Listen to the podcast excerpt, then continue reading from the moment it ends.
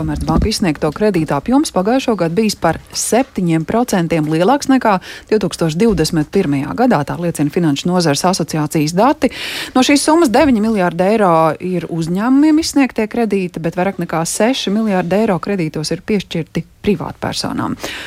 Kā zināms, pērn ekonomikas atrisināja karš Ukrainā, tāpat sekoja energoresursu cenu krīze, inflācija kam savukārt sekoja procentu likme celšana, taču neraugoties uz to, kreditēšana pērn ir pieaugusi. Par šīm tendencēm šorīt vairāk izjautāsim Finanšu nozares asociācijas valdes locekli Jāni Prezauski. Labrīt! Labrīt! Nu jā, sākoties karam, bija vērojams, ka līdz ar šiem ekonomikas satricinājumiem iepauzēja arī ar investīcijām, proti sāka celties arī procentu likmes, bet kā tas nākas, ka kredītu apmērs ir audzis? Ar ko tas skaidrojums? Um jā, nu, paldies pirmkārt, ka uzaicinājāt. Otrkārt, eh, nu, patīkami, ka kredīta apjoms ir audzis. Protams, vienmēr šādās situācijās pirmais, kas, kas ir, tad iestājās tāds nu, pesimisms un nav tā pieprasījuma pēc, pēc kredītiem. Jūsu pieminētais karš, arī citas darbības, sevišķi Eiropas centrālās bankas un arī citu valstu bankas darbības inflācijas apslāpēšanā. Bet tomēr nu, patīkam ir tas, ka ekonomika strādā, un uh, ir uzņēmēji, un ir arī maisaimniecības, kuras uh, mēs uh, varam kreditēt. Protams, uh, ka pieprasījums uh, nav tāds, kā mēs uh, varbūt uh, vēlētos. Mēs labprāt izsniegt arī daudz vairāk šos kredītus, bet nu, tas ir patīkami, ka ekonomika nav apstājusies. Un, kuras ir tās strā... jomas, ja var lūgt precizēt, kuras saskata to attīstības iespēju, kas ir ņēmušas kredītus attīstībai? Uh, pamatā, ja mēs paskatāmies pagājušajā gadā, tā ir tradicionāla būvniecība, lauksaimniecība, mežstrāde. Būtībā tās ir tās jomas, pamatā arī vairumtirdzniecība, tās jomas, kas pamatā ir eksportspējīgas un arī ražošana, e, eksportspējīgas jomas un tās, kuras arī orientējās uz, uz, uz, uz, uz, uz patērētāju. Kas attiecās par tām jomām, kurās varbūt nav atgriezies tāds optimisms, kā bija kādreiz, tās ir šīs pakalpojumu jomas, kā, kā izmitināšana, sabiedriskā ēdināšana. Bet tas arī, tas arī saprotams, tur joprojām ir gan, gan, gan pandēmijas sekas, gan arī jūsu pieminētā seka.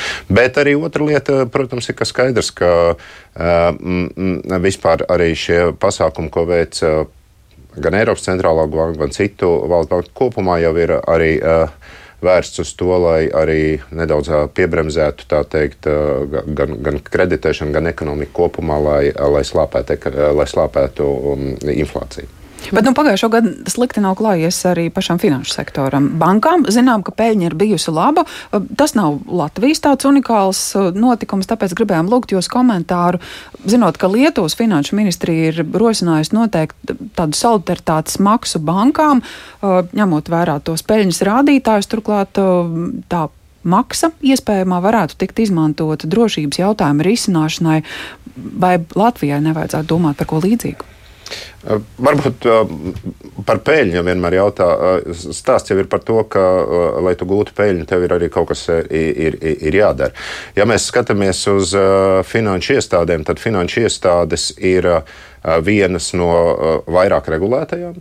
Arī vienas no tādām labāk kapitalizētajām un, teiksim tā, ar lielākām izmaksām, lai šo biznesu arī veiktu. Un tas, ka mēs pagājušajā gadā esam pelnījuši, jā, neapšaubām.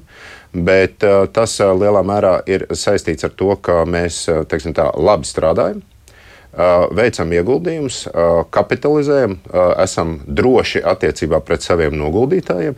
Un pamainoties arī tiem apstākļiem, kas ir izveidojušies, jau pieminētās dažādas Eiropas centrālās bankas un citu centrālo banku darbības, protams, ka mēs esam guvuši salīdzinoši lielāku peļņu nekā iepriekšējos gados. Tikai jāatzīmē, ka iepriekšējos gados mēs strādājam negatīvo likmju un, un teiksim, zonā, bet tas nelika mums kaut kādu iespēju neizdarīt ieguldījumus mūsu darbiniekos, tehnoloģijās, lai mēs varētu apkalpot savus noguldītājus un klientus. Tā kā īsumā tas ir par to, kā mēs nonākam pie peļņas.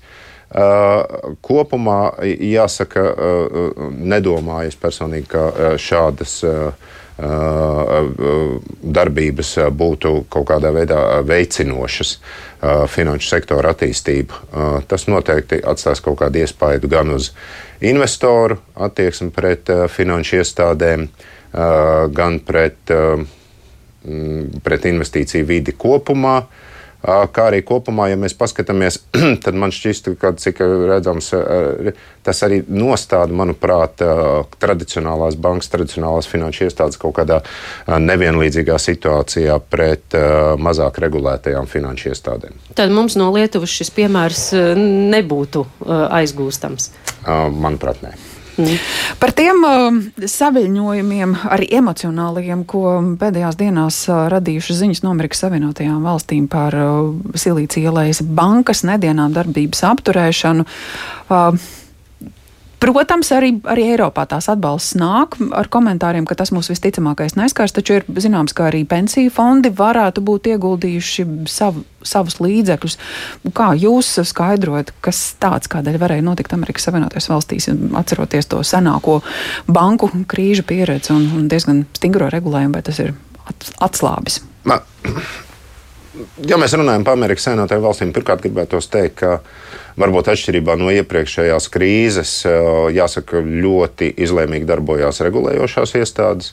Ātri pārņemot, ātri pārņemot šo banku, veicot nepieciešamās darbības, lai nodrošinātu pašu galveno, tas ir respektīvi noguldījumu pieejamību noguldītājiem, ka tas ir nepieciešams. Un tas, manuprāt, pierāda to, ka ir tā liela atšķirība no tā pagājušās reizes pirms 2008. gada. Ja mēs paskatāmies uz Eiropu, tad Eiropā mēs esam visi kopā pa Eiropu, ne tikai Latviju. Uh, veikuši ārkārtīgi daudz mājas darbu.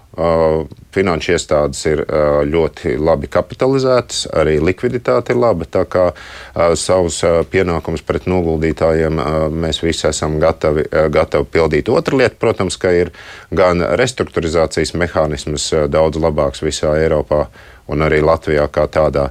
Gan arī, protams, kā jau es teicu, mēs esam ļoti nostiprinājuši savu kapitāla bāzi un esam arī ļoti, ļoti likvīdi. Par tiem pensiju fondiem, ko jūs minējat, jūs acīm redzot, domājat vienu Zviedrijas pensiju fondu, bet jāsaka, ka viņu kopīgais ieguldījums varbūt skan ļoti, ļoti daudz, ka gandrīz miljards ASV dolāru, bet viņu kopīgie aktīvi ir 104 miljardi ASV dolāru. Tas ir ap 1%, ko viņi ir ieguldījuši. Tas, Protams, varbūt tur tad man būtu jāskatās dziļāk, varbūt tur kaut kāda ietekme atstās uz, uz, uz, uz dažu uh, pensiju plānu ienesīgumu konkrēti tajā uh, Zviedrijā, bet nu, katrā ziņā tā nekādā veidā nav kaut kāda.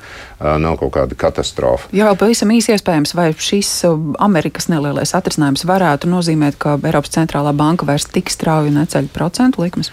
Uh, Ziniet, nav man kristāla bumbas, lai es jums to pateiktu. Protams, analītiķu domas dalās. Ja man personīgo viedokli jautā, es nedomāju, ka Eiropas centrālā banka vai arī Amerikas Savienoto Valstu centrālās banka apturēs uh, to politiku, ko viņi pašlaik veic. Tā vienkāršā iemesla dēļ, ka nu, mēs vēl nevarētu teikt, ka mēs būtu apslāpējuši inflāciju. Paldies! Finanšu nozars asociācijas valdes loceklis Jānis Brazovskis šorīt sarunā programmā. Labrīt!